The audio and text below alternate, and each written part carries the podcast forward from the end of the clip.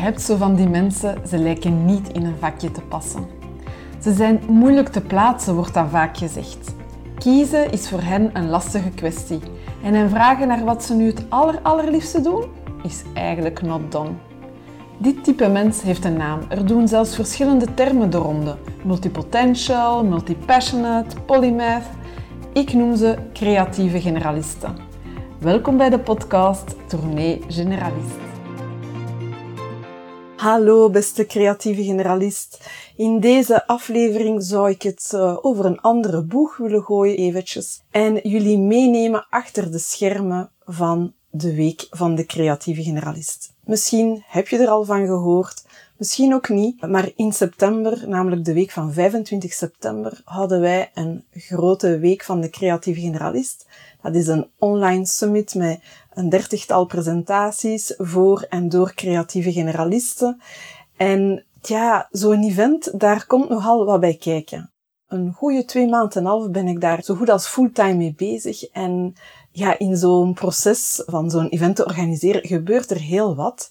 En het leek mij wel eens leuk om jullie daarin mee te pakken. Misschien aan de buitenkant lijkt dat niet zo'n big deal, maar dit is ja, eigenlijk wel iets groots voor mij. Zeker omdat we de ambitie hebben om duizend deelnemers te bereiken hiermee. Ik wil graag beginnen met een aantal lessen die ik in dit proces geleerd heb. En natuurlijk, het proces is still going. Ik merk dat als ik in zoiets duik, ik snel verval in focus op eh, productiviteit en dingen gedaan krijgen. Uh, ik ben dan zo hard gefocust op het resultaat om te kunnen zeggen, ah voilà, kijk, uh, hier ben ik klaar mee. Dat ik op den duur ook helemaal niet meer van het proces geniet. Ook hier is dat ook weer voorgevallen. Tot ik op een bepaald moment mezelf nu afvroeg van, ja maar vind ik dit nu eigenlijk wel leuk, hè? want ik ben hier nu zoveel tijd in aan het steken. Er kruipt heel veel moeite in. Op verschillende vlakken toch ook serieus uit mijn comfortzone moeten gaan. Als ik me dan even in metapositie bekijk, dan denk ik van, oh, meisje, je lijkt er wel niet echt van te genieten. Ik heb me die vraag gesteld en ik moest tot de conclusie komen van, maar nee, dit zijn wel dingen die ik leuk vind om te doen. Ik vind het tof om mijn schouders te steken onder een event. Ik vind het tof om mensen samen te brengen. Ook om mensen te stimuleren om iets te doen dat misschien uit hun comfortzone zit. Dan komt die rol van coach en van groeimotor daar ook piepen. Ik vind het ook leuk om daar rond aan storytelling te doen, om te proberen anderen enthousiast te maken, zodat ze zich inschrijven voor het event, om die verhalen over te brengen van, van die sprekers. En ik vind het ook gewoon heel leuk dat dit werk is dat ik volledig occasie onafhankelijk kan doen. Dat ik kan doen vanuit de zetel of de keukentafel of een koffiebar of van op reis, en noem maar op.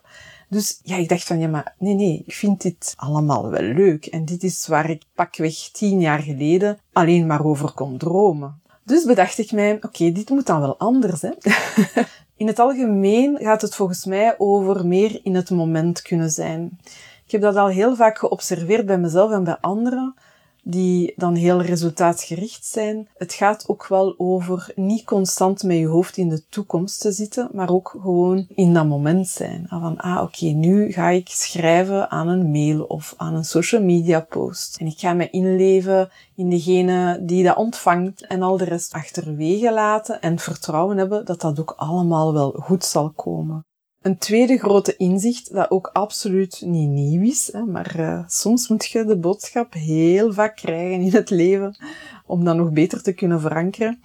Dus een tweede inzicht is van ja, jezelf laten aanvullen is echt wel een vereiste. Ik was aan dit event waarschijnlijk niet begonnen, althans niet op deze manier, zonder de hulp van mijn vriendin Cindy. Tevens ook iemand met heel veel ondernemerstalenten en een groot talent ook voor strategie. Ik was hier nooit aan begonnen zonder haar, of althans niet op deze manier. Ik had het waarschijnlijk veel kleiner gehouden, niet te veel gedoe, misschien ook wat rond een aantal dingen die ik dan zo wat uitstel om daar rond te fietsen. Een aantal tech-dingen die je dan moet uitvogelen en waar dat ik meestal enorm tegenop zie. Dus ja, ze heeft er wel een pak ambitie in gestoken, voor gezorgd dat ik voor veel dingen toch wel uit die comfortzone ben gaan en superveel heb bijgeleerd. Maar er zijn nog mensen, zoals bijvoorbeeld Katrien. Katrien is mijn sidekick. En Katrien die zorgt ervoor dat mijn hoofd een pak minder chaotisch aanvoelt en dat ik niet te veel steken laat vallen op vlak van organisatie. Dus dat is echt een zegen. En daarnaast ook de hulp van andere mensen, soms zelfs sprekers uh, van, van de Week van de Creatieve Generalist, die mee hebben geholpen om linkjes te leggen met nog andere mensen die een interessant verhaal zouden kunnen brengen. En die dus eigenlijk volop hun verbinderstalenten hebben ingezet en daardoor ja, voor een stukje mijn werk makkelijker gemaakt hebben en ook gewoon de kwaliteit van de week enorm opgekrikt hebben. Nog een ander inzicht, ook iets dat ik natuurlijk wel al wist en dat jij ook wel zal weten, het belang van beweging, van sport. Allee, bewegen kan je op verschillende manieren. In mijn geval is dit deze zomer onder de vorm van sport geweest, namelijk ik ben uh, serieus intensief beginnen squashen na 15 jaar totale inactiviteit. Het was een totaal ander focuspunt. Hè. Ja, uiteraard beweging, hè, waarvan ik voelde dat dat mentaal echt wel heel veel deugd deed. Dat is ook een sport waar dat je constant in kan bijleren. Hè. Dus dat gaat zo echt in laagjes, heb ik de indruk. Ik heb eigenlijk heel de zomer vooral geoefend aan mijn opslag. dus ik heb niet tegelijkertijd kunnen denken aan de dingen die ik nog moest doen of de tech-dingen dat ik nog niet helemaal onder controle had en niet snapte. Nee, dat, ook weer daar wat ik daarnet zei, van dat in dat moment zijn, dan ben je echt volledig met die activiteit bezig. Je bent daar eigenlijk één mee. Plus ook het feit dat dat een, een spelelement is, dat is ook wat ik er heel leuk aan vind. Ik ben niet zozeer een competitiebeest, maar ik vind dat spelelement en zo kunnen zien dat je, ja, dat je vooruitgang kan boeken. Dus dat is misschien meer een vorm van competitie met jezelf dan. Ik vond dat gewoon ja, een zeer mooie tegenbalans met alle serieuze dingen waar ik mee bezig was. En dat leidt mij vlotjes naar het volgende, dat het allemaal inderdaad wel heel serieus worden was. En heel zwaar. Ja, opeens is dat event iets geworden dat van zo groot belang is voor mij, voor mijn werk. Het wordt gewoon allemaal veel te serieus. En dat is een soort van balans vinden tussen, ja, het is inderdaad heel belangrijk, hè, want natuurlijk, je hebt dat wel nodig om je daarin te kunnen vastbijten en om die ambitie er ook te kunnen insteken. Dus dat moet ergens wel heel belangrijk worden. Anders ga je er ook niet die inzet voor tonen. En tegelijkertijd is het ook allemaal niet zo'n big deal. Hè. Dat klinkt heel paradoxaal, maar dat besef doet mij wel, dat, dat, dat doet heel veel deugd. Dat ik denk van, goh ja, inderdaad, het is heel belangrijk. En tegelijkertijd ja, als je het zo bekijkt op wereldschaal, maar ook in je leven, in, in de dingen die echt heel fundamenteel zijn voor jou, zoals gezondheid en het welzijn van je, van je geliefde enzovoort. Kijk, in het licht daarvan is het dan ook weer niet zo heel belangrijk. Ik moet toegeven, ik heb voor dat inzicht ook wel een zetje gekregen van mijn eigen lichaam, want terwijl ik dit inspreek, heb ik nog heel fris in het geheugen dat ik vorige week een hele week plat lag. Waren het coronabeestjes? Ik weet het niet, maar het was alleszins uh, behoorlijk intens. En ja, dat is natuurlijk ook geen toeval waarschijnlijk. Hè? Dat, dat is ook uh, uw lichaam dat ergens een grens aangeeft. Dat helpt me dan ook om de beide voeten op de grond te houden. Maar enough about me. Laten we ook eens kijken naar de sprekers. Hè? Want ik heb jullie daarnet ook al gezegd. Ik vind dat ook heel tof om mensen te verbinden en om ervoor te zorgen dat ze ook een beetje uit hun comfortzone gaan en zo. En dat is zeker ook voor onze sprekers het geval geweest. Ik vind het ook belangrijk dat mensen dat weten, hè? want je ziet altijd zomaar de voorgrond of een resultaat van iets en je hebt dan meestal geen flauw benul van hoe dat mensen daartoe komen, wat, wat ze daar allemaal voor hebben moeten doen en hebben moeten doorstaan. Dus ik vind dat wel een belangrijke. Eerste dingetje dat mij heel hard is opgevallen, en dat is misschien een beetje ironisch, dat is dat wij effectief als creatief generalist wel echt moeite hebben met afbakenen. Dat is niet voor iedereen zo, hè, maar dat is toch wel een rode draad geweest in het proces van ons event. Ik had de opdracht gegeven aan sprekers van hun boodschap over te brengen op 20 minuten. Ook voor mijn eigen presentaties, by the way, is dat een uitdaging geweest. Hè.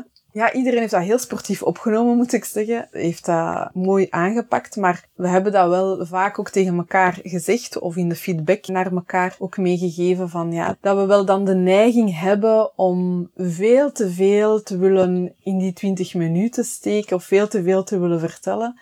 En echt wel moeite hebben om te zeggen van oké, ik ga nu op één boodschap focussen en ik ga het daarbij houden. We hebben dat wel geprobeerd hè, aan jou om te zien of dat ons gelukt is. dat ga je binnenkort kunnen uh, ontdekken.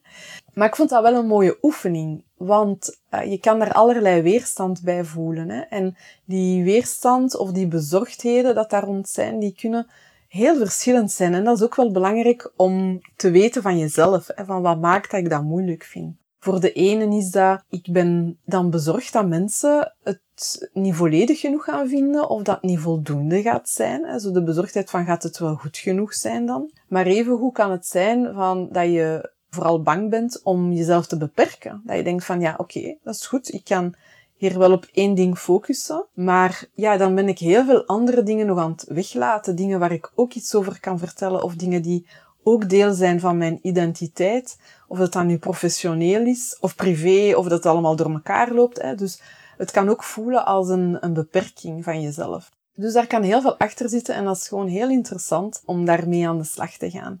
Dus in die zin vond ik dat ook voor mezelf een heel mooie oefening in afbakenen en mezelf afvragen van oké, wat is nu de ene boodschap dat ik wil dat mensen hiervan onthouden en hoe kan ik dat wel op een vrij diepgaande manier doen, ondanks dat we maar 20 minuten hebben. En in die zin ook het vertrouwen hebben dat je daarmee inderdaad maar één dingetje brengt, maar dat dat totaal niet wil zeggen dat jij te herleiden bent tot dat ene dingetje. En dat het voor mensen eerder een manier is om dan ook meer van jou te willen weten en, je beter te leren kennen. En dat dat eigenlijk maar de start van een verhaal is. Wat heb ik nog gemerkt? Wel, dat het enthousiasme soms groter is dan de tijd die we beschikbaar hebben. En dat is ook wel iets heel moois, hè? want ik heb toen ik de oproep lanceerde voor sprekers, heel veel enthousiaste reacties gekregen. En ik vind dat eerlijk gezegd een hele mooie eigenschap. Uh, wat je dan wel merkt achteraf, hè, als de deadlines naderen, dat je dan merkt van dat ja, mensen inderdaad met heel veel dingen bezig zijn.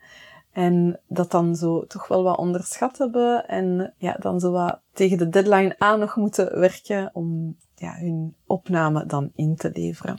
Voor veel mensen was het ook heel spannend om zich zichtbaar te maken. Mensen zijn ofwel als professional op een bepaalde manier bezig, maar daarom niet op video. Dus dat is best spannend. Andere mensen hebben ook een heel persoonlijk verhaal gebracht, wat dat ook natuurlijk heel veel moed vergt. Dus ik wil dat ook even aanstippen, omdat um, als je naar zo opnames kijkt of volgt een online summit, of dat dan nu de onze is of een andere, dat maakt niet uit, dan vergeet je misschien wat dat, dat betekent voor iemand of waar dat die heeft moeten doorgaan om dat te kunnen doen.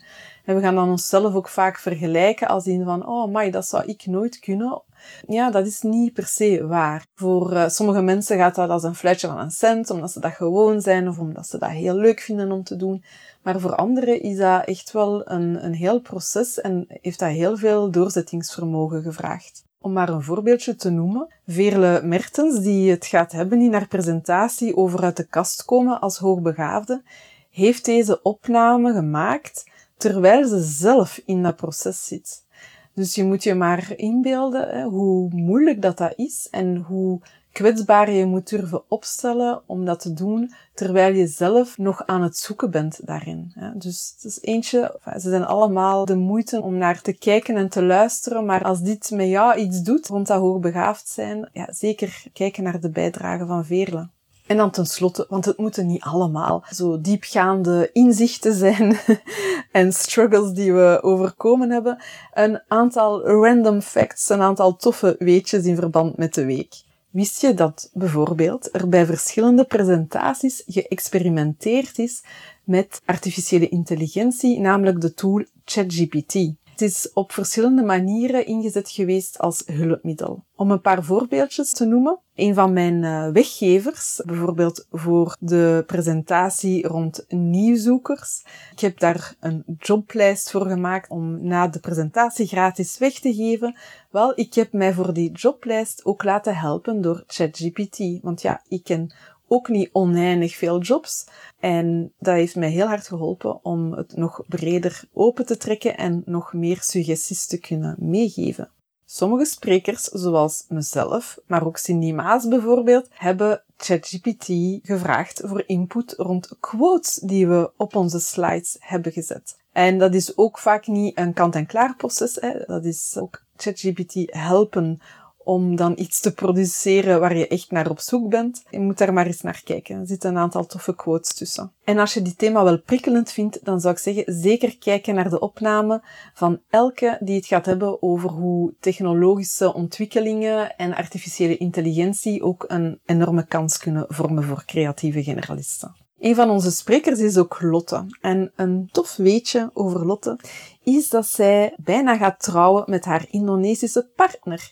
Zij zitten daarvoor al maanden door een ganse paparassenwinkel. Zij zijn, als ik mij niet vergis, momenteel in België en ik zou zeggen, laten we allemaal meeduimen met hen dat er gauw schot in de zaak komt en dat zij heel gauw kunnen trouwen. Jullie gaan ook kennis maken met Lieselot. Lieselot is edelsmid. Ik ben heel erg fan van Lieselot, haar collectie Marta. Ga maar zeker eens kijken op haar site. En je zal zien, op een van mijn presentaties draag ik oorbellen van haar. En zo heb ik je hiermee een beetje achter de schermen meegenomen van de Week van de Creatieve Generalist. Ongetwijfeld komen er nog heel veel anekdotes bij, naarmate dat we dichter bij de datum komen. Ik hoop dat ik jou hiermee één zin heb gegeven om je nog in te schrijven, als dat niet het geval is. En twee, jou ook vooral een inkijkje heb gegeven in hoe zo'n event tot stand komt, wat dat, dat allemaal kan doen met een creatieve generalist. En ja, hopelijk zit daar heel veel herkenbare dingen tussen. En is het misschien ook voor jou een zetje om uh, toch nog aan een project te beginnen dat je misschien wel al lang in je hoofd hebt, maar lang uitstelt. Het kan gewoon helpen om te zien dat ook anderen iets doen en ook heel veel mee struggelen. dus voilà, ik hoop dat dit zinvol is geweest. En ik zeg jou heel graag tot de volgende aflevering. Dag!